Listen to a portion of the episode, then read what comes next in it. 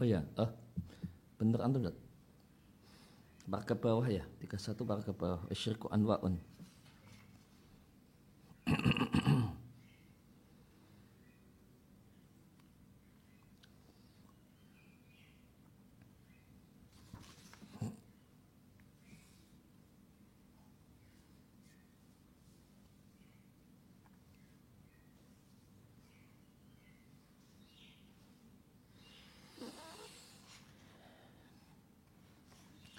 Alhamdulillah wassalatu wassalamu ala rasulillah wa ala alihi wa sahbihi wa man tabi'ahum bi ihsanin ila yaumidin amma ba'd.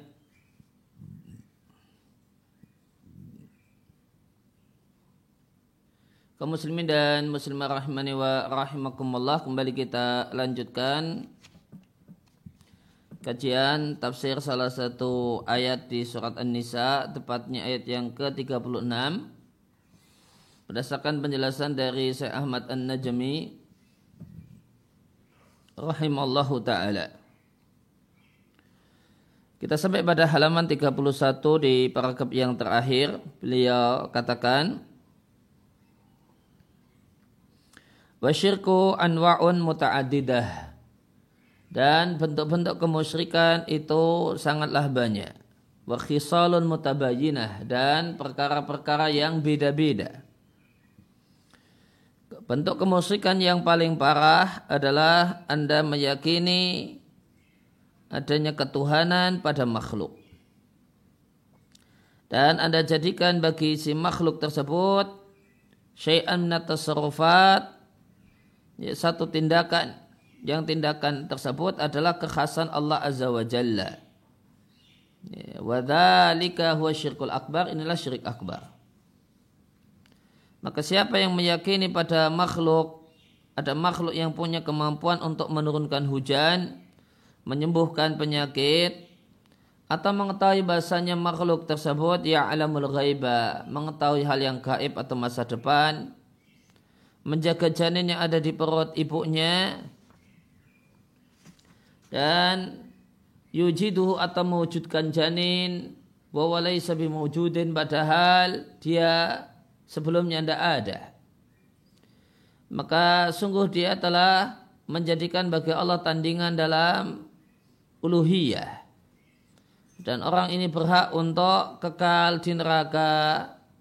Catatan kaki ini diperkuat oleh firman Allah Tabaraka wa Ta'ala Innahu mayyushik billah ya, Sungguh siapa yang menyekutukan Allah Allah haramkan surga baginya dan tempat tinggalnya adalah neraka dan tidak ada penolong bagi orang-orang yang zalim.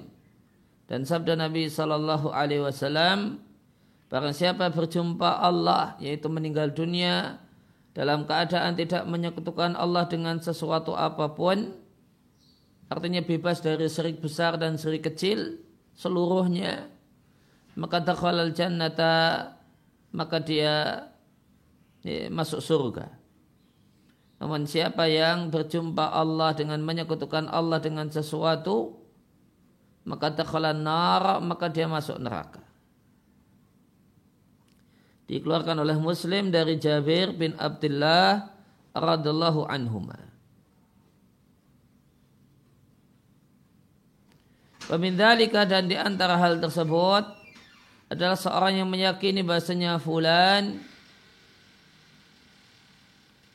taldah limra'atihi nah, taldah untuk istrinya. Beliau jelaskan makna kalimat ini. Bermakna dalam pengertian dia pukul dengan tangannya di punggung istrinya. Pada saat istrinya tertasilu minal haidi ya, mandi setelah haid kemudian si istri itu hamil di masa suci itu. Maka jika si istri itu hamil atau jika si wanita itu hamil di dzalika tuhri di masa suci tersebut wajah oh, maaf, fulan di sini orang lain bukan si suami. Wa maka di antara contohnya adalah seorang berkeyakinan ada lelaki tertentu yang bisa yaldah untuk istrinya. Bima'an dalam pengertian dia pukul dengan tangannya di punggung si perempuan pada saat dia mandi selesai haid lantas si perempuan itu hamil di waktu itu di masa suci ketika itu maka jika wanita ini hamil di masa suci wajahat biwaladin dan datang dan e, memiliki anak maka mereka akan menamai anak yang lahir itu sama persis dengan nama lelaki yang mukul punggung tadi. Warau dan mereka masyarakat berkeyakinan annahu walladhi a'tahumul walada. Bahasanya si laki-laki itulah yang memberikan anak untuk mereka. Ya, maka di sini ya, penulis menyampaikan sejumlah bentuk-bentuk kemusyrikan yang tersebar dan beliau jumpai di masyarakatnya di Arab Saudi bagian selatan. Ya.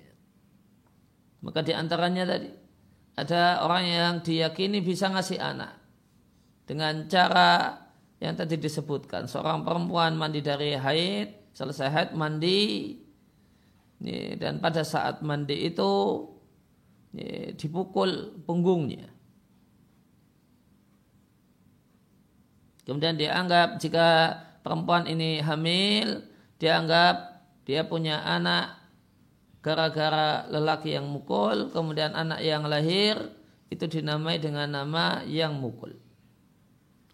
Pemindalika di antara bentuk kemusyrikan adalah meyakini bahasanya fulan itu menjadikan untuk janin lazmah catatan kaki dua. Ya ja'al dia jadikan di tangan si ibu tamimatan jimat syirkiyatan. Kemudian falayas kutu maka janin yang ada maka yang maka janin tersebut layas kutu tidaklah keguguran. Fala yaskutu maka tidak keguguran. Ya, maka boleh jadi ada perempuan yang punya problem setiap kali hamil keguguran. Setiap kali hamil keguguran. Ya, maka ya, ada yang ngasih solusi dengan ngasih jimat di tangan.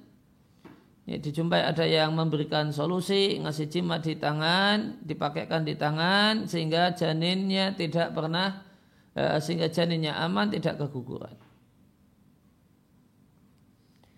Demikian juga ada yang yulawith ala dabah mengotori atau melumuri adabah hewan sehingga hewan tersebut tidak dimakan oleh binatang buas.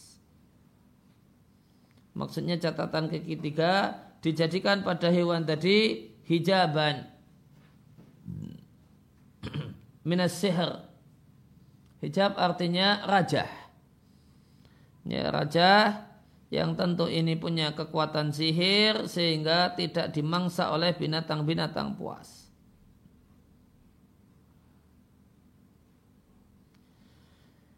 Kemudian demikian juga keyakinan bahasanya fulan. Itu yang muzmin minal maradi. Ya, memijit. Ya, minal maradil fulan karena sakit tertentu fayashfihi dan dia bisa menyembuhkannya. Catatan kaki empat. Yudaliku maudi'anil jismi memijat satu bagian dari badan fayashfi al marida maka dia bisa menyembuhkan si sakit. Maka jika tidak taqada fil mu'aliji jika seorang itu berkeyakinan bahasanya si terapis inilah yang menyembuhkan dan bukan Allah, fahada syirkun maka ini syirik.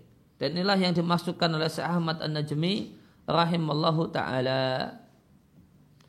Ila ghairi dzalika dan yang lainnya minat turuhat, kebatilan, berbagai macam kebatilan allati ma'angzalallahu biha min sultan yang Allah tidaklah menurunkan sultan yaitu hujah menunjukkan benarnya hal tersebut. itulah berbagai bentuk kemusyrikan, kesyirikan yang tersebar di masyarakat fi jihatina di daerah kami yaitu Janub Mamlaka Arabia As-Saudiyah yaitu sisi selatan kerajaan Arab Saudi di satu provinsi namanya Somitah wa mahaulaha min kura dan kampung-kampung di sekitarnya. Sebelum datangnya Syekh Abdullah bin Muhammad Al-Qarawi ini ulama yang seorang ulama yang punya uh, punya peran penting untuk mengikis berbagai macam kemusyrikan kesyirikan di daerah selatan Arab Saudi. Allah diqadha biiznillahi yang dengan izin Allah uh, artinya menghancurkan menghilangkan ala hadil aqaidil fasida berbagai macam keyakinan yang tidak benar ini.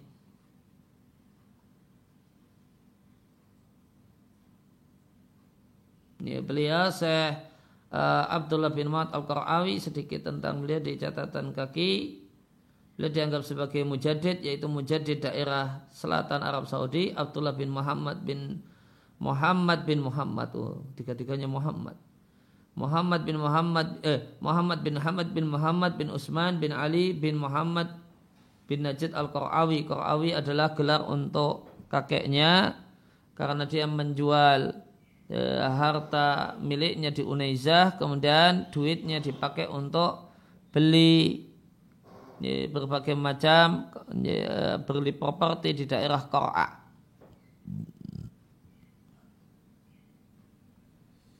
Ya, Sabtul Qarawi lahir di, Unai, uh, di Unaizah di Najd tanggal 11 Zulhijjah tahun 1300, eh, 1315 Hijriah.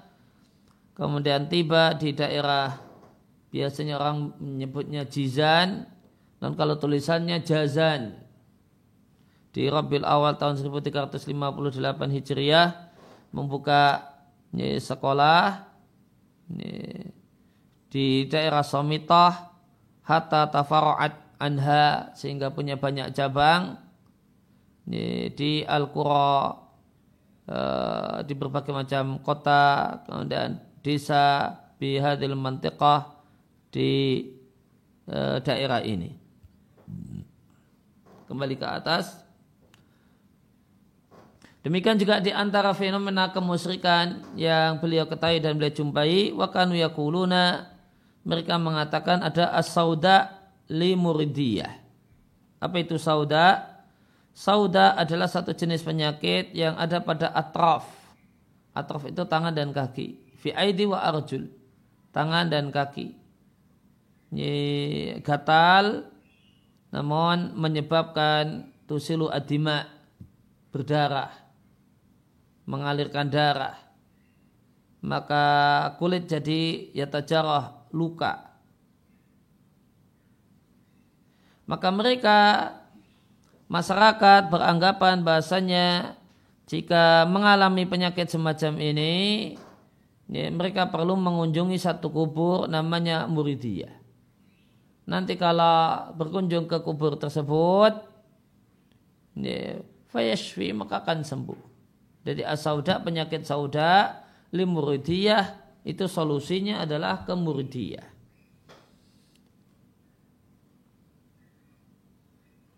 Catatan kaki satu, muridiyah adalah nisbat kepada kubur seorang perempuan. Tufinat perempuan itu dimakamkan di situ, diyakini bahasanya perempuan ini tashfi, perempuan ini sembuh dari penyakit sauda. Dia dulu hidupnya kena penyakit, sauda, kemudian sembuh, kuburnya didatangi dan diyakini bisa menjadi sebab ini, sembuh dari atau dia, dia bisa menyembuhkan penyakit asauda. Kemudian ada lagi penyakit uh, mereka mengatakan sajarah itu untuk bahril muhib.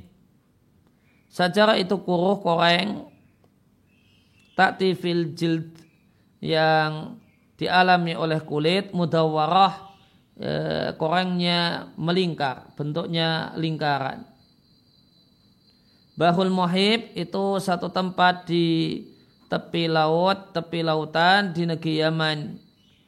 dekat dengan daerah Hadidah. Catatan kaki dua, Hadidah adalah salah satu kota di Yaman Utara, Asahiliyah di pesisir tepi pantai, dan dia adalah kota paling besar di Yaman nomor dua, berarti setelah Aden berarti. Jaraknya antara Hadidiyah dengan Arab Saudi cuma 245 km. Tidak sampai Yogyakarta. Ya. Dekat aja. Maka mereka beranggapan bahasanya siapa yang pergi ke tempat ini di laut daba minhu hadadau maka hilang darinya penyakit tersebut setelah mandi di sana. Mereka juga berkeyakinan baltumah itu penyakitnya Bani Fulan atau Maltumah. Maltumah ini kalau di tempat kita uh, stok ini. Maltumah adalah daun penyakit yang menyebabkan hidung itu perot ke satu sisi, mulut itu perot ke satu sisi, wajah ke sisi yang lainnya. Mulutnya ke sana, wajahnya ke sini. Ini stroke ini kalau. Mereka meyakini bahasanya penyakit ini terjadi pada sekelompok orang. Hakada demikian mereka bagi-bagi takdir Allah yang Allah takdirkan untuk hamba-hambanya. Maka siapa yang beranggapan dengan anggapan ini dan berkeyakinan dengan keyakinan ini, maka dia musyrik billahi syirkan akbar. Ya, dia terjun dalam syirik akbar. Kemudian contoh bentuk kemusikan yang beliau jumpai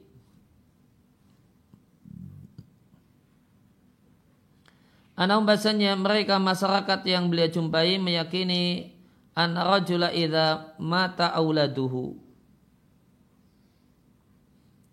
Ya, jika seorang itu ya, mati anak-anaknya, seorang laki-laki yang anak-anaknya mati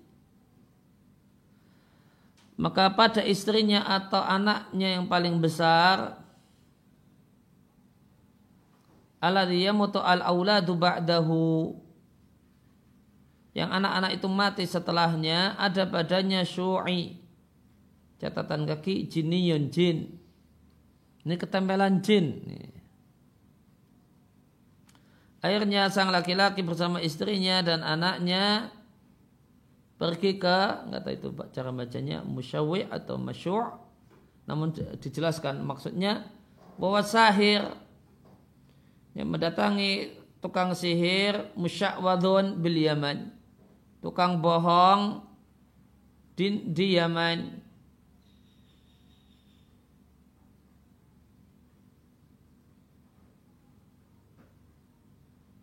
kemudian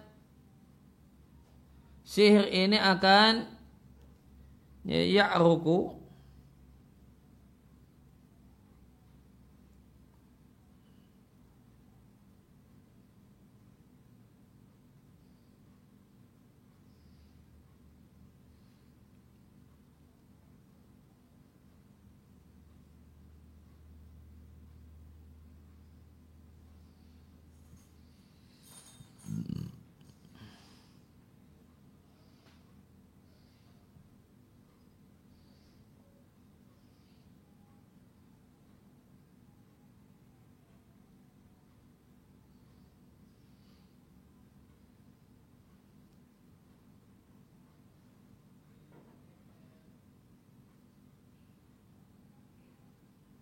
uh, dal maknanya dalaka menggosok.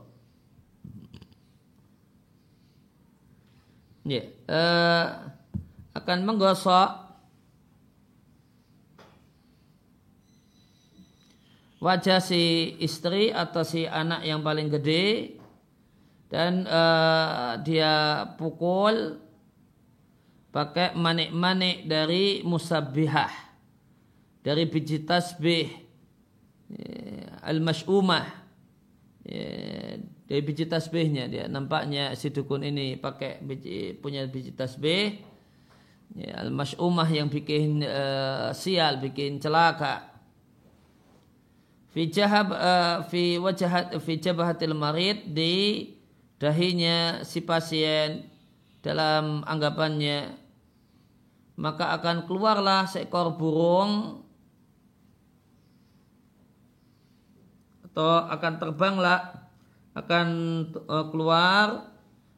Ya, tayran ya bukan burung ini ya. Uh, hewan yang terbang. Yushbihu yang mirip hewan tersebut dengan syabah uh, syaz, uh, syazbah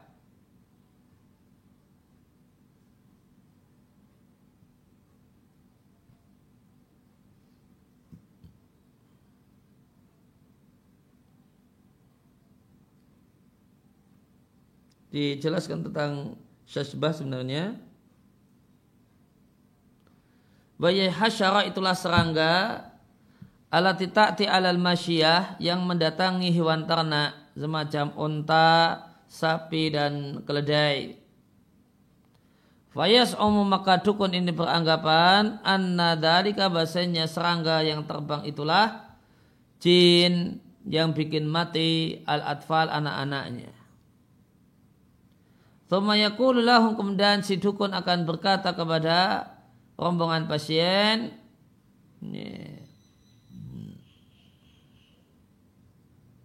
Isbahu taisan sembelilah kambing atau kabshan atau domba jantan aswat yang berwarna hitam. Kok sama ya? Kan tempat kita juga sukanya ayam hitam, eh, ayam cemani. Ini kambing hitam kali ini. Kalau tempat kita kambing hitam itu bikin masalah. Ya. Ini kambing hitam juga yang dicari. Nah.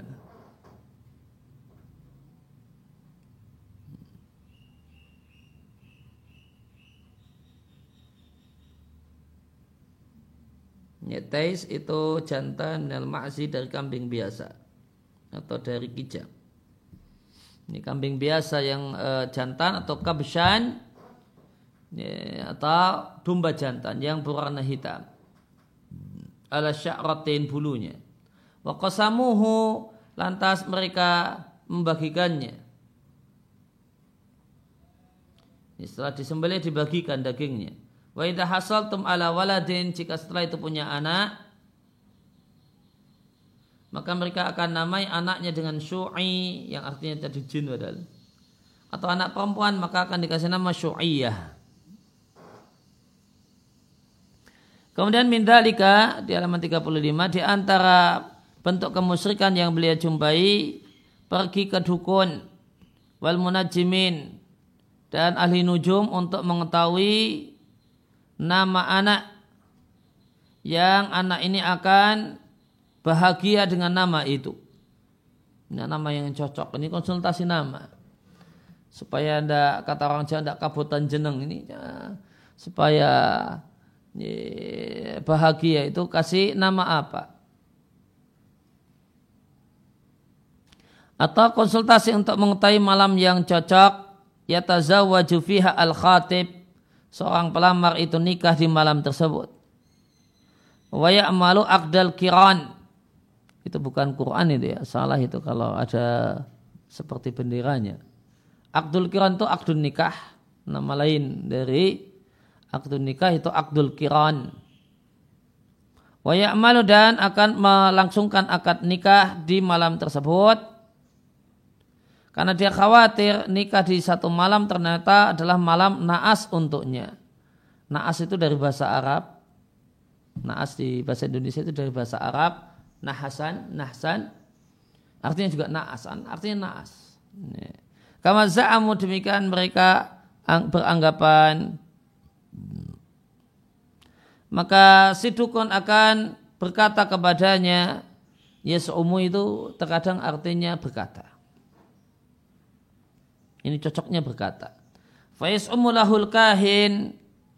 Maka dukun atau ahli nujum tersebut akan berkata lahu kepada yang orang yang datang bahasanya malam ini malam tanggal sekian sekian itu naas untukmu.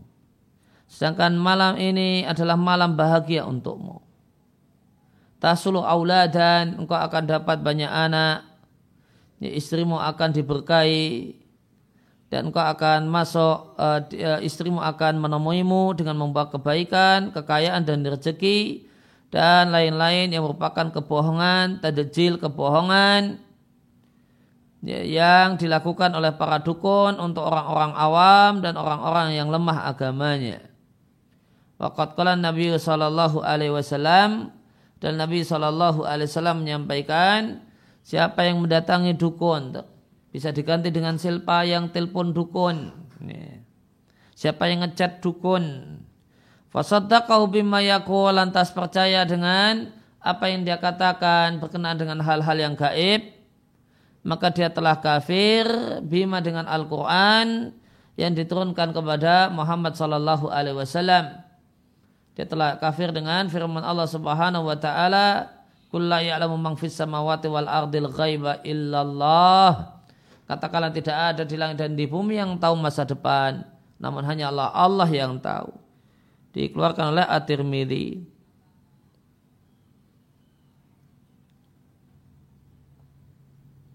Kemudian demikian juga bentuk ya, kesyirikan yang beliau jumpai adalah pergi ke ma'diyah. Ya, ma'diyah adalah musyawadatun. Adalah perempuan tukang bohong yang terkenal yang bohongi banyak orang dan menyesatkan mereka.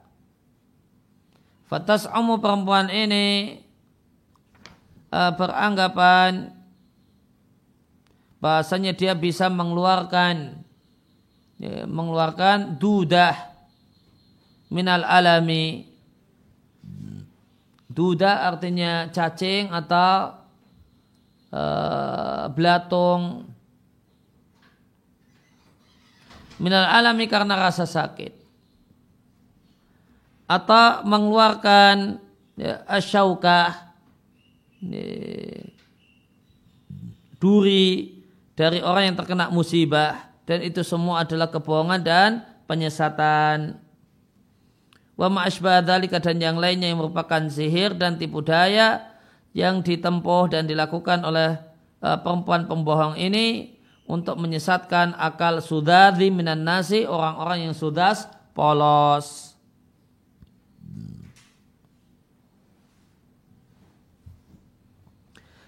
Demikian juga di antara bentuk kemusyrikan atau bentuk kesyirikan yang tersebar di masyarakat beliau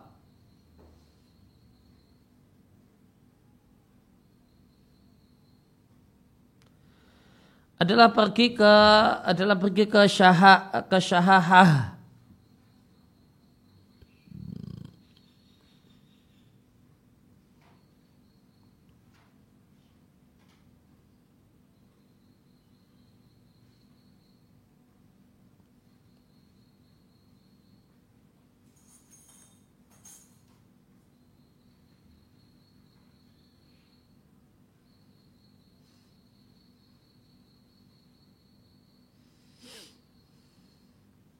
Apa itu syahahah di catatan kaki?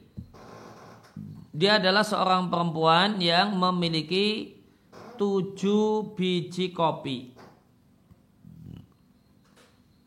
Fayatiha al-wahidu maka ada orang yang ya, mendatangi perempuan ini dan mengatakan ukshihi andalati matalan au an ghaibi Yeah. Tolong temukanlah barangku yang hilang atau anggota keluargaku yang hilang atau pergi entah ke mana. Fatangdur maka perempuan ini akan melihat tujuh biji yang dia miliki Fatakulu lahu lantas akan berkata kepada pasiennya barang hilangmu ada di tempat A. Keluargamu yang kabur dan minggat atau kemudian pergi entah ke mana ada di tempat ini dan itu.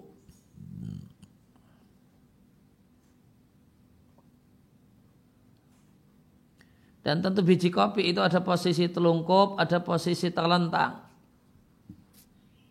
Ya, biji kopi itu bisa posisi telungkup, bisa posisi terlentang.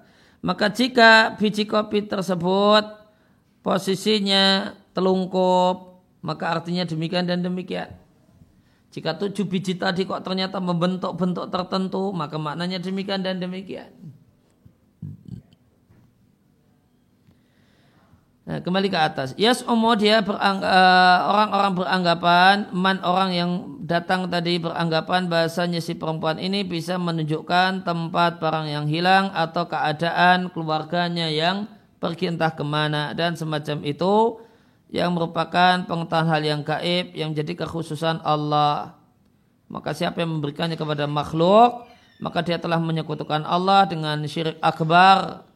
Sehingga jika ini dibawa mati, maka orangnya berhak kekal di neraka jika eh, jika meninggal dunia dalam keadaan demikian. Ya, Allah Subhanahu wa taala berfirman di surat Jin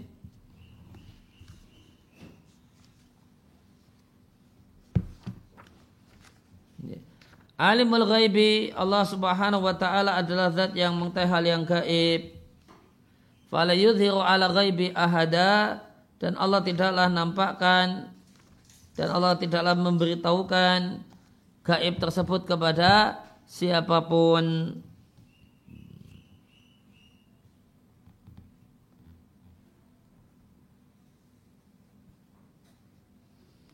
Sehingga artinya karena tidak diberitahukan pada siapa pun maka maknanya sebagaimana di Al-Mukhtasar fi Tafsir ya baka mukhtasan bi ilmihi.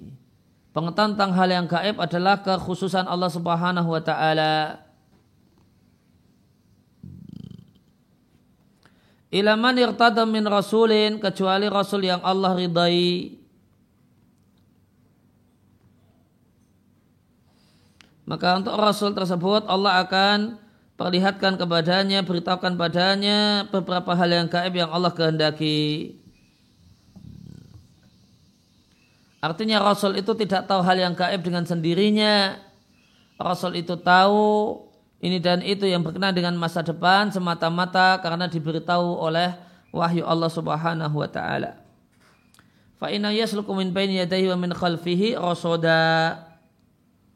Di Al-Mukhtasar fi tafsir maknanya dan Allah kirimkan di hadapan para rasul malaikat-malaikat penjaga yang menjaganya sehingga tidak ada selain Rasul yang bisa mengetahui hal tersebut.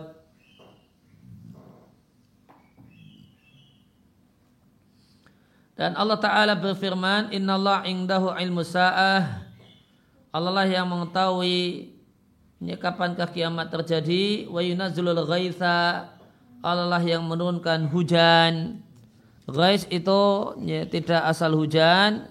Dan ghais itu satu jenis hujan hujan yang bermanfaat yang tidak terlalu banyak sehingga bikin banjir tidak pula terlalu sedikit itu disebut ghaith wa ma arham dan Allah mengetahui ma fil arham semua hal yang berkenaan dengan rahim.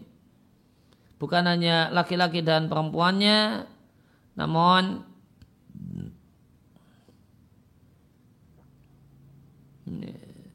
termasuk juga apakah ini berumur panjang ataukah berumur pendek dan yang lainnya. Dan tidaklah satu jiwa mengetahui apa yang dia lakukan esok hari dan tidaklah satu jiwa mengetahui di bumi manakah dia akan meninggal dunia. Innallaha alimun khabir. Si Allah adalah zat yang maha mengetahui dan maha mengetahui.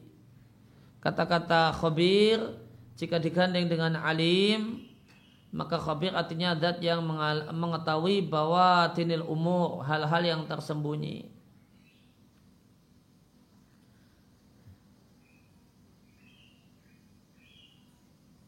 Kemudian dalam hadis Ibnu Muntafi Nabi Shallallahu Alaihi Wasallam menyampaikan donna rabbuka bi khamsin. Rabbmu ya Allah Subhanahu Wa Taala donna pelit bi dalam lima hal. Kemudian Nabi membacakan ayat di atas yaitu ayat yang telah disebutkan dari surat Luqman. Maka hadir anwa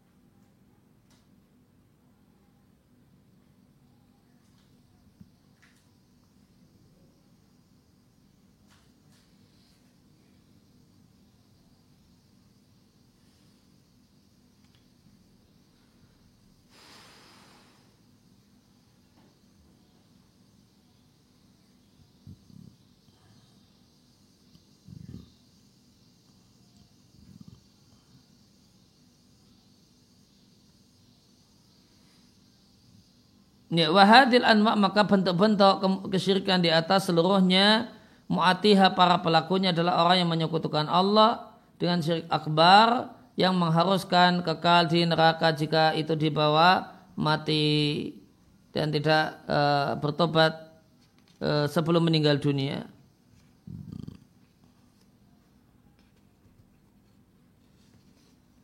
Kemudian di antara uh, bentuk kemusyrikan adalah ayat takidah seorang itu meyakini al-budah.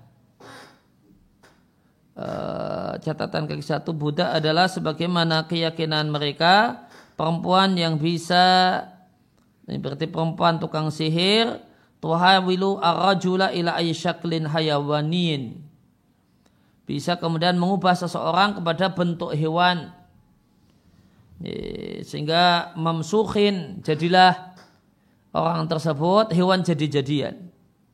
Wa yadhillu ala tilkal halati kemudian orang tersebut akan tetap dalam kondisi seperti itu madalah hayati sepanjang hidupnya.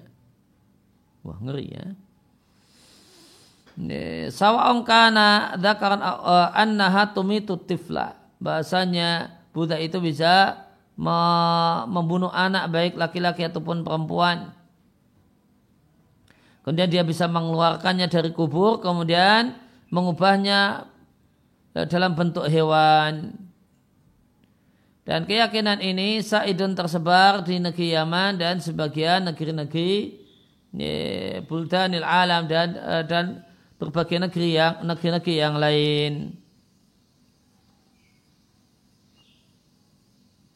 Demikian juga orang yang berkeyakinan ada mungkin al-muridah.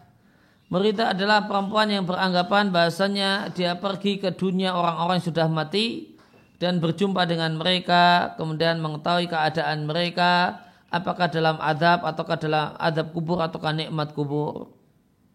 Maka sebagian orang kemudian memberikan padanya juklan upah untuk turid alaihim ala mautahum untuk mendatangi keluarga-keluarganya yang telah meninggal dunia. Maka dia akan jadikanlah pada bagi perempuan tersebut di kepalanya parfum dan bau-bau tertentu. Yuklak alaiha fi baitin. Kemudian perempuan ini di, dimasukkan fi baitin dalam satu kamar. Yuklak kemudian ditutup.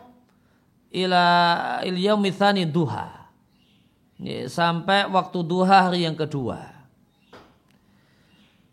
Tas umur si perempuan ini mengatakan bi anna bahasanya dia firahlatiha mengadakan perjalanan. Dan dalam perjalanan ini dia berjumpa dengan orang-orang yang ada di alam barzakh dan mengetahui kondisi mereka. Pada hakikatnya perempuan ini bersama setan. Setanlah yang yeah, yarkubunaha atau uh, setelah yang menaikinya, memanfaatkannya dan mengkabarkan kepadanya berbagai perkara, lantas banyak orang mengira kalau itu benar apa adanya. Maka siapa yang meyakini keyakinan-keyakinan ini maka dia musyrik, menyekutukan Allah syirik yang paling besar yang tidak akan Allah ampuni jika dia mati sebagaimana firman Allah taala Innallaha la yaghfiru Allah tidak mengampuni dosa kemusyrikan yang dibawa mati wa yaghfiru ma duna dzalika dan Allah mengampuni dosa-dosa yang duna dalika kelasnya di bawah kemusyrikan bagi siapa saja yang Allah kehendaki. Dan barang siapa yang menyekutukan Allah faqad iftara itsman azima dia sungguh dia telah melakukan dosa yang sangat besar. Dan kemusikan inilah yang menyebabkan pelakunya kekal di neraka dan haram mendapatkan surga. Sebagaimana firman Allah Ta'ala melalui lisan Nabi Isa putra Maryam wa bani Israel sembahlah Allah Rabbku dan Rabb kalian. Sehingga siapa yang menyekutukan Allah maka Allah haramkan surga untuknya dan tempat tinggalnya adalah neraka. Tidak ada penolong bagi orang-orang yang zalim. Halaman 38 Wasyirku dan kemusikan adalah dosa paling besar ala itlak tanpa ada pengecualian yang Allah didurhakai dengannya. Maka dalam hadis yang sabaqa dzikruh telah disebutkan dari Ibnu Mas'ud, beliau bertanya kepada Rasulullah sallallahu alaihi wasallam dosa apakah yang paling besar? Maka Nabi katakan kau jadikan bagi Allah tandingan padahal Allah lah yang menciptakanmu. Kemudian apa? Engkau bunuh anakmu karena khawatir makan bersamamu. Kemudian lantas apa? Kemudian Nabi katakan kau berzina dengan istri tetanggamu. Maka lihat Allah dahulukan, maka Nabi dahulukan kemusikan daripada membunuh anak. Padahal membunuh anak itu min a'zamil jaraimi. Termasuk kejahatan yang paling besar. Fuhsyan, keji, wanukuran dan mungkar. Karena dia menghilangkan jiwa seorang muslim. Dan Allah Ta'ala mengatakan siapa yang membunuh orang yang beriman secara sengaja maka balasannya adalah neraka, dia tinggal lama di dalam neraka, Allah murka padanya, Allah melaknatnya dan Allah siapkan baginya siksaan yang besar. Dan membunuh anak berarti zalim terhadap makhluk yang lemah karena masih anak-anak. Di hadis Qudsi disebutkan sangat besar marahku kepada orang yang zalim kepada orang yang tidak punya penolong selainku dikeluarkan oleh At-Tabarani dari Ali dinilai dhaif oleh Al-Albani. Hadis Qudsi kalau penjelasan saya soal Al-Usaimi eh, yang menjadi eh, diksi yang dipilih oleh mayoritas para ulama terdahulu adalah hadis ilahi. Dan eh, membunuh anak berarti memutus kekerabatan. Dan Allah Ta'ala mengatakan ya, di surat Muhammad fahal asaitu maka apakah boleh jadi kalian jika kalian berpaling? Kalian akan merusak di muka bumi dan kalian akan memutus hubungan kerabat kalian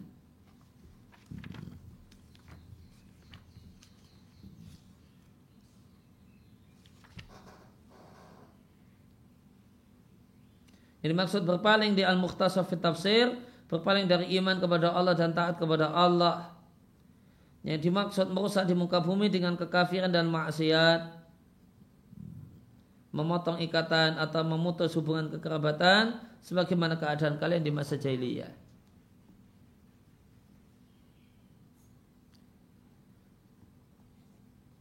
Demikian juga uh, membunuh anak karena takut anak itu ikut makan. Ini adalah bentuk dia putus asa dari kasih sayang Allah dan bentuk buruk sangka kepada Allah. Padahal Allah Ta'ala berfirman, Qal wa may yaqnut wa may yaqnatu min rahmatillah rahmati rabbih. Tidaklah ada orang yang putus asa dari rahmat Rabbnya kecuali orang-orang yang sesat. Meskipun membunuh anak itu adalah satu hal yang sangat mungkar dan mengerikan. Terkumpul padanya empat kejahatan yang tadi telah disebutkan yaitu kejahatan menghilangkan nyawa, zalim kepada makhluk yang lemah, memutus kekerabatan, kemudian yang keempat buruk sangka kepada Allah. Meskipun demikian levelnya nomor dua setelah menyekutukan Allah. Dan level yang ketiga setelah itu adalah zina dengan istri tetangga.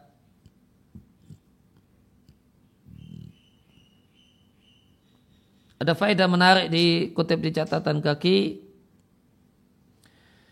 Fa'adamu uh, perkataan Ibnul Qayyim di ada wadawa jenis kemusikan yang paling keterlaluan adalah menjadikan bagi Allah tandingan. Dan pembunuhan yang paling jelek adalah membunuh anak sendiri khawatir bersekutu ya, men, uh, dalam makanan dan minuman orang tuanya. Dan bentuk zina yang paling jelek adalah berzina dengan istri tetangga. Karena dampak jelek zina itu berlipat-lipat dengan berlipat-lipatnya hak orang yang dilanggar.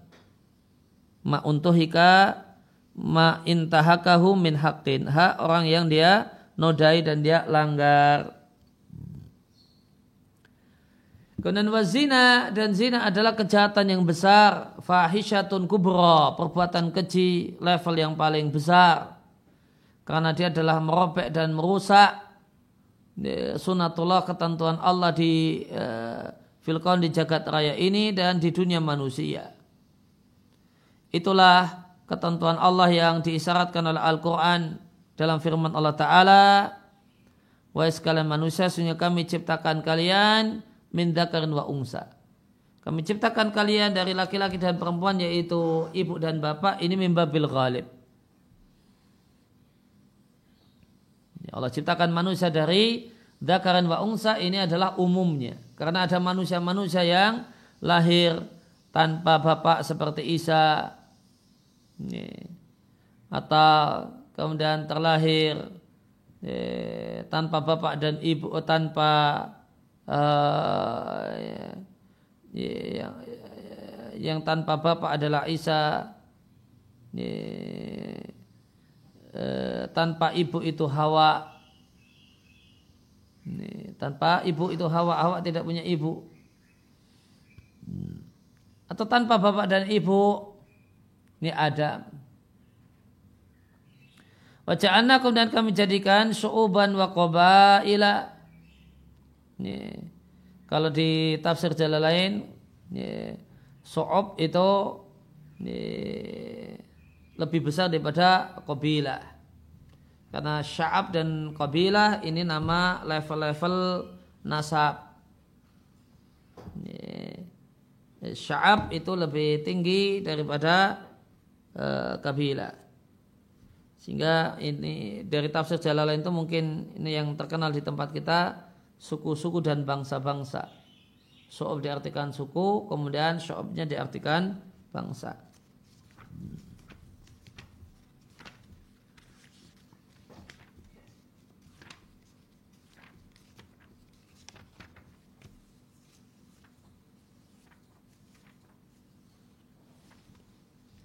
Di Al-Mukhtasar Fit Tafsir, coba kita lihat. Ini 13.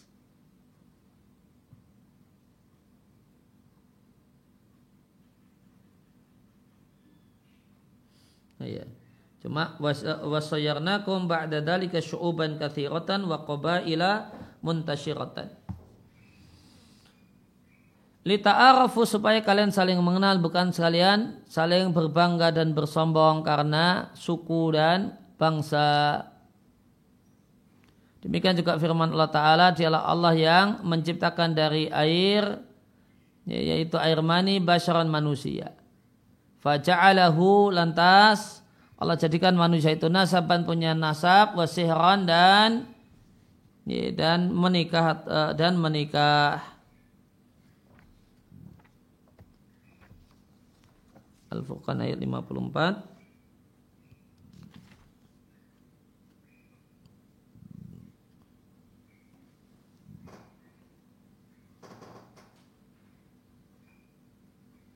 Maknanya dialah Allah yang menciptakan dari air mani laki-laki dan perempuan basyaran manusia dan dan zat yang menciptakan manusia itu menciptakan hubungan kekerabatan dan hubungan perkawinan.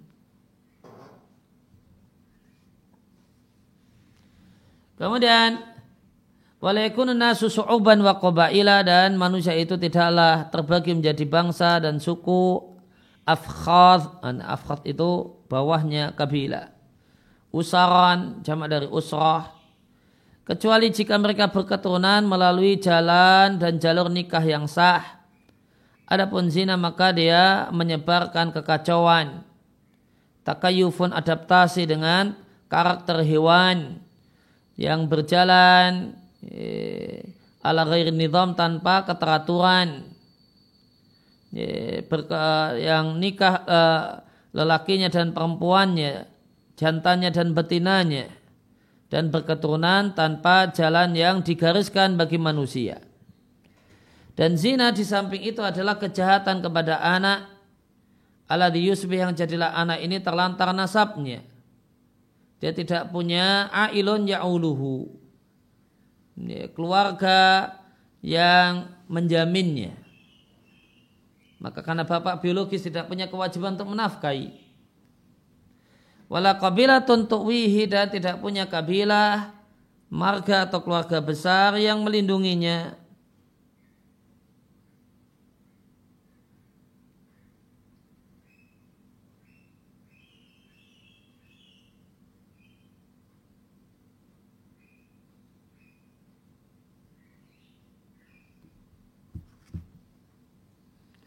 Wala abun yakumu alaihi tidak punya bapak yang bertanggung jawab padanya.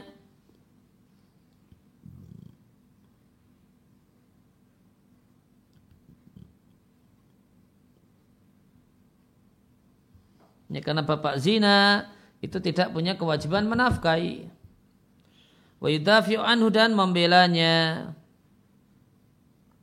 Pemadzalika Ya, di samping itu maka zina dengan istri tetangga asyaddu itu lebih jelek dibandingkan zina secara umum bi asrati at'ab ya, puluhan kali lipat sebagaimana terdapat dalam hadis sungguh jika salah satu kalian berzina dengan sepuluh perempuan ya, yang bukan siapa-siapanya lebih baik daripada berzina dengan istri tetangganya.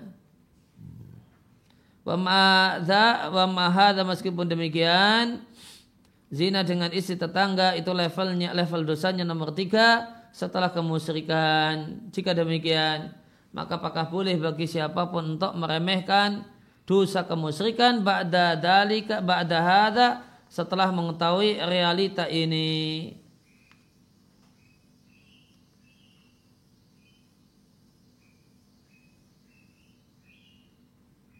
Maka sungguh tidaklah meremehkan masalah syirik kecuali orang yang hina di sisi Allah dan dia akan mendapatkan kehinaan pada hari kiamat. Sebagaimana firman Allah taala Allah menyebutkan tiga dosa besar ini.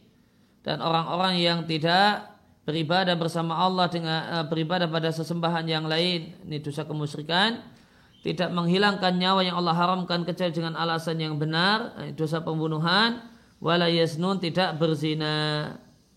Siapa yang melakukan hal tersebut yalqa athama dia menjumpai banyak dosa dilipat gandakan untuknya ada pada hari kiamat dan dia tinggal lama dalam adab tersebut muhana dalam keadaan hina.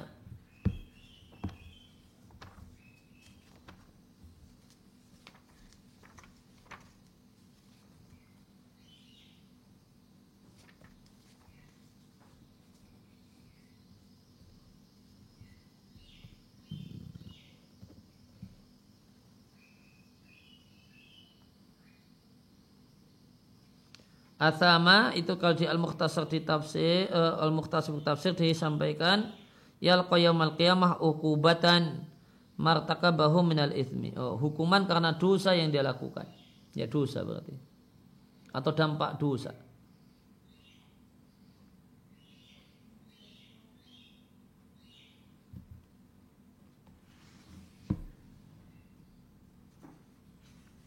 Ya, uh, sebelum kita lanjutkan ada catatan kaki yang insya Allah bagus jika kita baca halaman 39 catatan kaki dua perkataan Ibnul Qayyim. Walimakana dikarenakan dampak buruk zina adalah min a'zamil mafasid termasuk dampak buruk yang paling jelek. Karena zina itu bertolak belakang dengan keteraturan ya, dunia dalam terjaganya nasab terlindungnya kemaluan, terjaganya kehormatan, watawakima dan menjaga diri dari mayoke apa yang menjerumuskan a'zamal adawah permusuhan yang paling besar dan kebencian yang paling besar di antara manusia. Jaga diri dari hal yang menyebabkan permusuhan dan kebencian yang paling besar di antara manusia. Apa itu min ifsadi kulin minhu imra'atan sahibihi. Masing-masing uh, ifsad istri kawannya. Ifsad itu kalau ifsad, ifsad untuk istri orang lain itu maknanya ya, semula rukun dengan suaminya kemudian jadi uh, jadi tengkar ribut dengan suami. Semula cinta jadi tidak cinta sama suaminya. Maka kehadiran orang yang ketiga yang uh, yang melakukan ibsat terhadap istri orang lain ini adalah faktor uh, faktor besar untuk terjadinya kebencian dan permusuhan. Maka seorang suami tentu akan marah sekali ketika tahu ada lelaki yang menggoda istrinya. Dia akan punya kebencian luar biasa. Yang bisa jadi karena ke, uh, karena kebencian tersebut sampai dia akan bunuh lelaki itu. Kenapa? Karena lelaki ini ifsad. merusak hubungan dia dengan istrinya. Istrinya yang dulu penurut, yang dulu kemudian taat cinta sama suaminya jadi berubah. Gara-gara apa? Lelaki ini. Maka ini adalah a'dhamil ma. Ini adalah faktor yuki yang menyebabkan terjadinya a'dhamal adawah wal baghdha. Kebencian dan permusuhan yang paling besar. Atau merusak anak perempuan orang lain, saudari perempuan atau ibunya. Wafidhalika dalam perbuatan zina itu terdapat kharabul alam merobohkan jagat raya karena tali mafsadat al-qatl. Maka posisinya adalah tali setelah dampak buruk pembunuhan ya, dalam masalah dosa besarnya. Dalam masalah besarnya dosa. Oleh karena itu Allah Subhanahu wa taala menggandengkan menggandengkan zina biha dengan pembunuhan dalam kitabnya Demikian juga Rasulullah Wasallam dalam hadisnya Imam Ahmad rahimahullah taala mengatakan la a'lamu ba'da qatli nafsi syai'an a'dhama minaz zina. Aku tidak mengetahui eh, setelah dosa membunuh satu dosa yang lebih besar daripada dosa zina.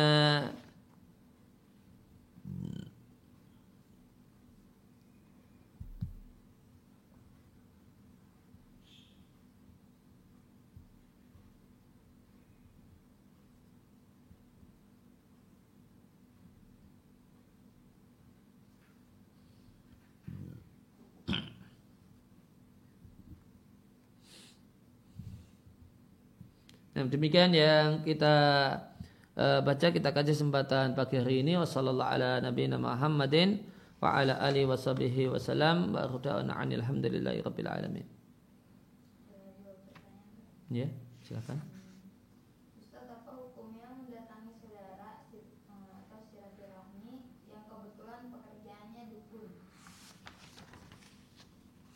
Ya hukum mendatangi saudara atau kerabat yang profesinya dukun. Ya, maka jika tujuannya adalah berkunjung tentu beda dengan tujuannya konsultasi. Hadis yang tadi kita bahas di pelajaran itu adalah hadis tentang mendatangi dukun untuk konsultasi dan percaya uh, perkataannya tentang masa depan. Adapun uh, datang ke rumah dukun karena dia saudara, karena dia paman, ya ada perlu ya maka tidak masuk dalam hadis. Nah.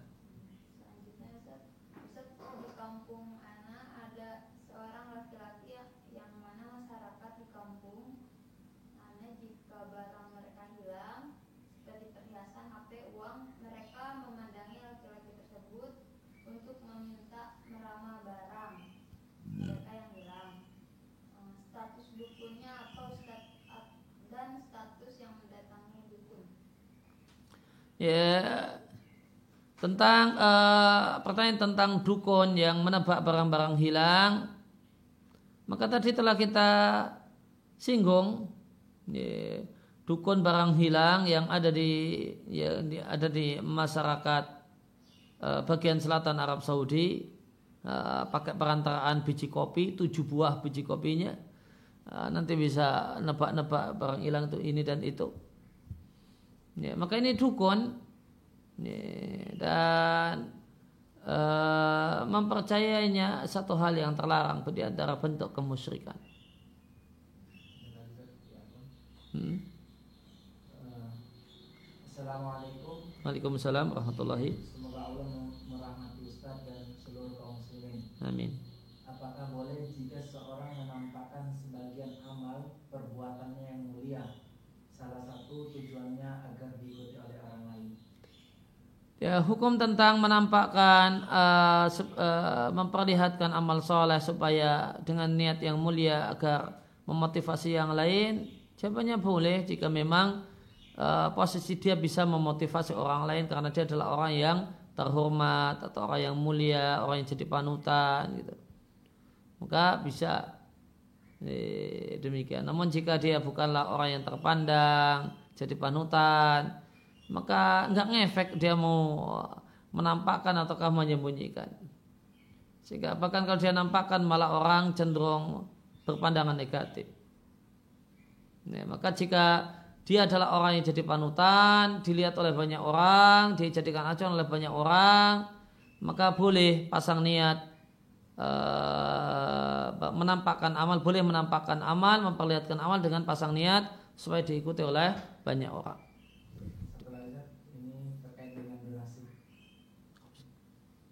Ya, demikian subhanaka Allahumma bihamdika asyhadu an la ilaha illa anta astaghfiruka wa atubu ilaik.